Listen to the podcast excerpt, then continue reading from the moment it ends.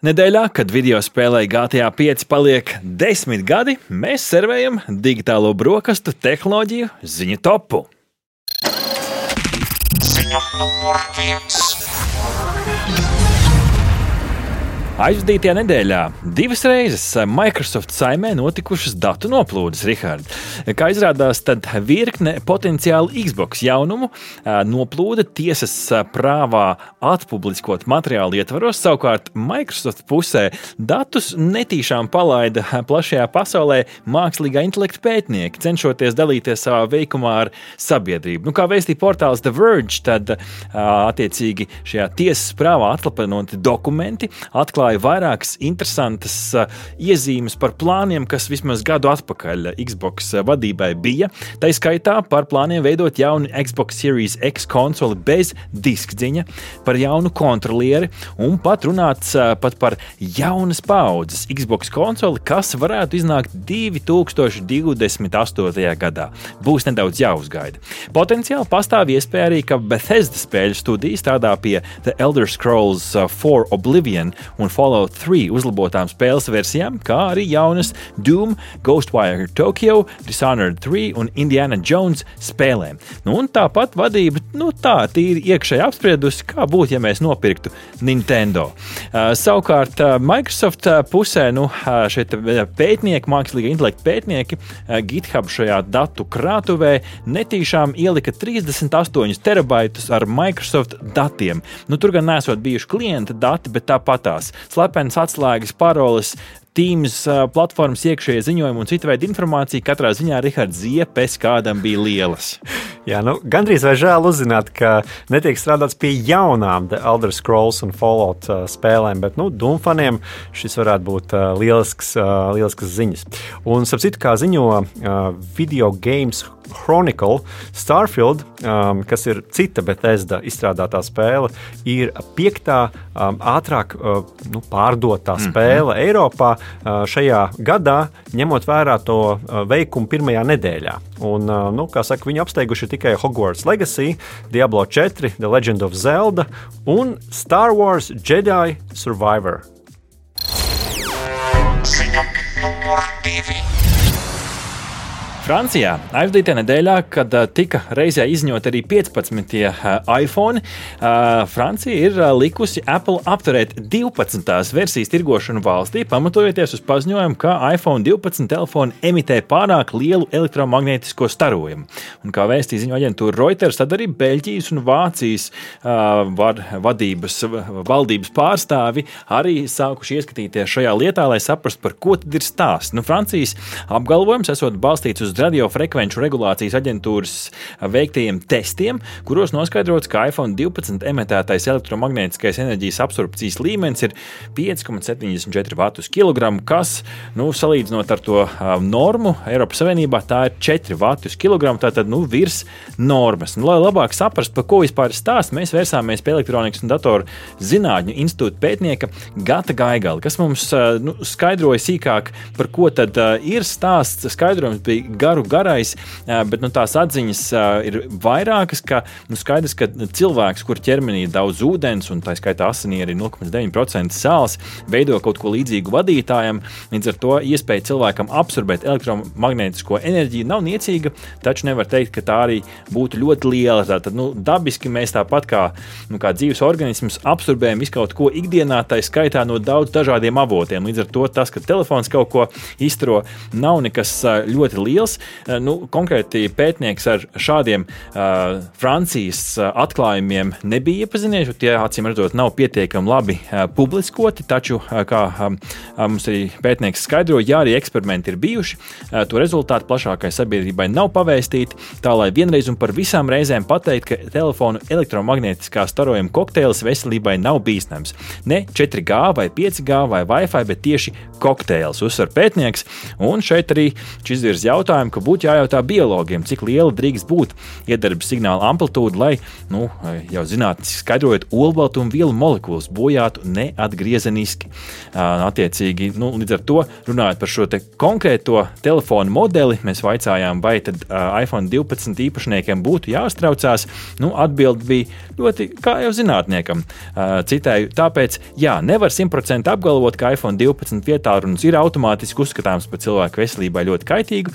Tāpat nevar apgalvot arī, ka iPhone 12 vietā runas ir pilnīgi nekaitīgs. Nu, Rihard, ko tu no šī garā skaidrojuma uh, izsacini?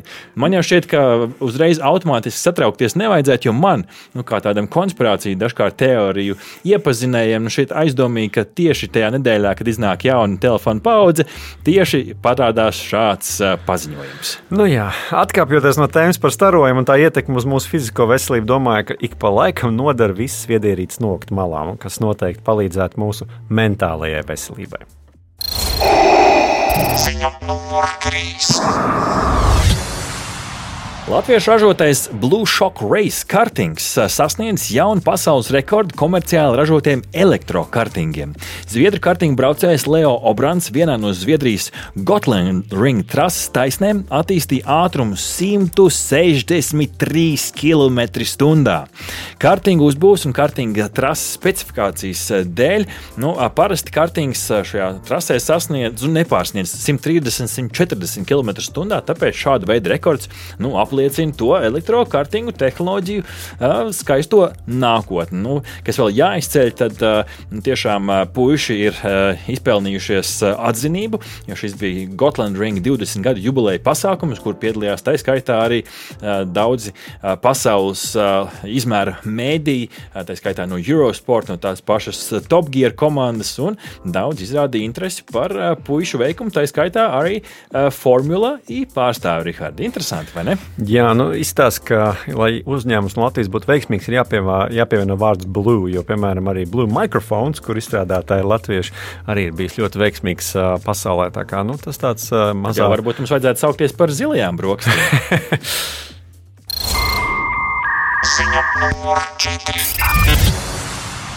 OpenAI izziņojuši tās generatīvās mākslas, mākslīgā intelekta, vizuālās mākslas platformas DALL-E trešo versiju, eh, kas ļauj lietotājiem izmantot chat GPT, kas tur ir iestrādāts, lai pavisam vienkārši nebūtu jāraksta gari un sarežģīti vaicājumi pēc eh, attēlu izstrādes, bet to mūsu vietā paveiktu chatbots. Nu, eh, šeit, salīdzinot ar otro versiju, OpenAI pētnieki uzsver, ka tas it kā daudz labāk sapratīšot kontekstu, jo tas tas, protams, mūsu cilvēki runā ļoti būtiski, kādā kontekstā mēs kaut ko runājam. Pie tam ChatGPT integrāciju vairs nu, attiecīgi nevajadzēs domāt šos garos skaidrojumus, garos vaicājumus. Chatbots pats izdomās, kā šo aprakstīt tā, lai šī mākslīgā intelekta ģenerēšanas platforma radītu pēc iespējas skaistāku attēlu. Bet ne tikai integrācija ir, kas, ir tas, kas ir nācis klāt, tā skaitā ļoti strādāts pie dažādiem drošības risinājumiem, tā skaitā pie tā, lai cilvēki nu, neuztais uztaisītu uh, kaut kāda veida kailu bildes vai cita veida uh, ļaunus uh, attēlus. Tā skaitā domāts ir arī par mākslinieka autortiesību saglabāšanu. Mākslinieki varēs to daudz vieglākā veidā palūgt, lai viņa konkrētais mākslas darbs nekur neparādītos. Uh, un, um, jā, kopumā izskatās, ka platforma iet uz tādu lielāku automatizāciju un mēģina izdarīt to, ko izdarīja Chat GPT, kļūt pieejamākam sabiedrībai. Jā, nu, teiksim, tie populārākie rīki, varbūt arī varam nosaukt, ap citu pajautāju tieši mākslīgiem intelektam, kuri tad ir populārākie. Nu, tad, ko viņš pat teica par sevi? Uh, nu, Dāla bija pirmais, ko viņš Protams, piedāvāja. Spalvas podrina. Otrais bija Nvidia uh, Gaugen uh, rīks, kas ļauj lietotājiem zīmēt skices un pārvērst tās dabas ainavu attēlos.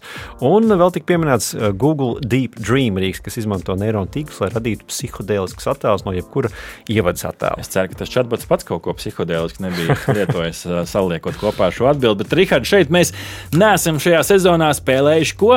Viktorīna, Viktorīna, Viktorīna. Līdz ar to gan tev, gan mūsu klausītājiem īpašais jautājums par DALI platformu. Pavisam vienkārši. Kurā gadā debitēja DALI platforma? 20., 21., 22. Vai 23. Rihard, pirmā versija, kad nu, parādījās vispār pie apgabala? Es lieku uz uh, 20. Uh, uh, 20.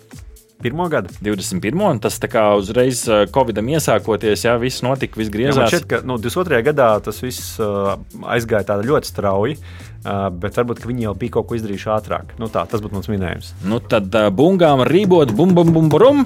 Pareizi atbildi ir 2021. Tā kā Jā! apsveicam šodien, tu esi laimētājs un visi reize. klausītāji, kuri likuši šo, ir uzvarējuši. Ziņa numur 5. Noslēdzot digitālā brokastu tehnoloģiju ziņu topu, laba ziņa visiem tiem, kas mēdz ceļot un dodas uz lidostu Rīgā. Tur mēs varam doties dažādiem veidiem. Mēs varam braukt ar autobusu, varam iet ar kājām, varam iespējams nākotnē varēsim braukt arī ar vilcienu. Galu galā varam aizlidot. Varam arī aizlidot, bet beig beigās mēs varam arī tur doties ar koplietošanas automašīnām. Skaidrs, ka lidostā Rīga šobrīd autostāvvietā varēja teikt, beigt savu braucienu ar tādiem zīmoliem kā CityBee, Carguru, OX Drive, un vienu brīdi no tās bija pazudis Bolt Drive.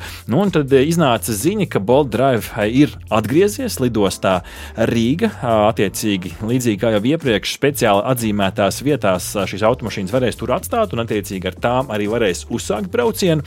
Un, Mēs arī prasījām, tā skaitā, Bolt Drive, kāpēc viņi bija pazuduši. Nu, šeit tāda atbilde par to, ka iemesls, kāpēc pirms laika Rīgas lidostas ilgtermiņa stāvvietā P3 Bolt Drive stāvvieta tika slēgta, bija tādēļ, ka mēs gada sākumā koncentrējāmies uz pietiekošu automašīnu skaitu nodrošināšanā Rīgā un tuvākajās pilsētās, piedāvājot lietotājiem arī jaunas zonas.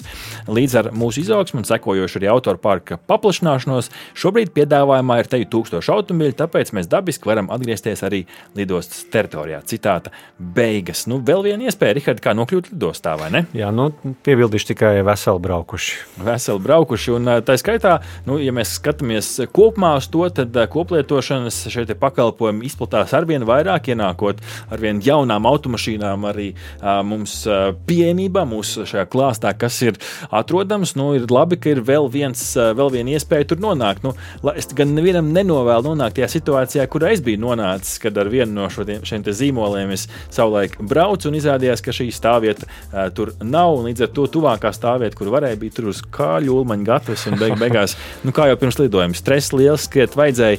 Nu, šoreiz uh, ir vēl viena iespēja vairāk kā uz lidostu mēs varam nokļūt. Taču, ja jūs klausītāji vēlaties paust savu viedokli, tad nedēļas sākumā mēs LSM.CLV Instagram konta stāstos, jeb stories, publicējam dažādus jautājumus, gan saistībā ar uh, konkrētās nedēļas ziņām, gan ar aktuālo tēmu. Un tur jūs varat uh, paust savu viedokli, piedalīties balsojumos, tā kā sekojam arī LSM.CLV Instagram kontam. Aha! Paldies, ka noklausījāties mūsu līdz galam! Ja patika, uzspied laiku, atstāj komentāru vai padalies ar draugiem. Un nobauda arī citas epizodes, kā arī seko mums, lai nepalaistu garām savu ikdienas tehnoloģiju ziņu devumu.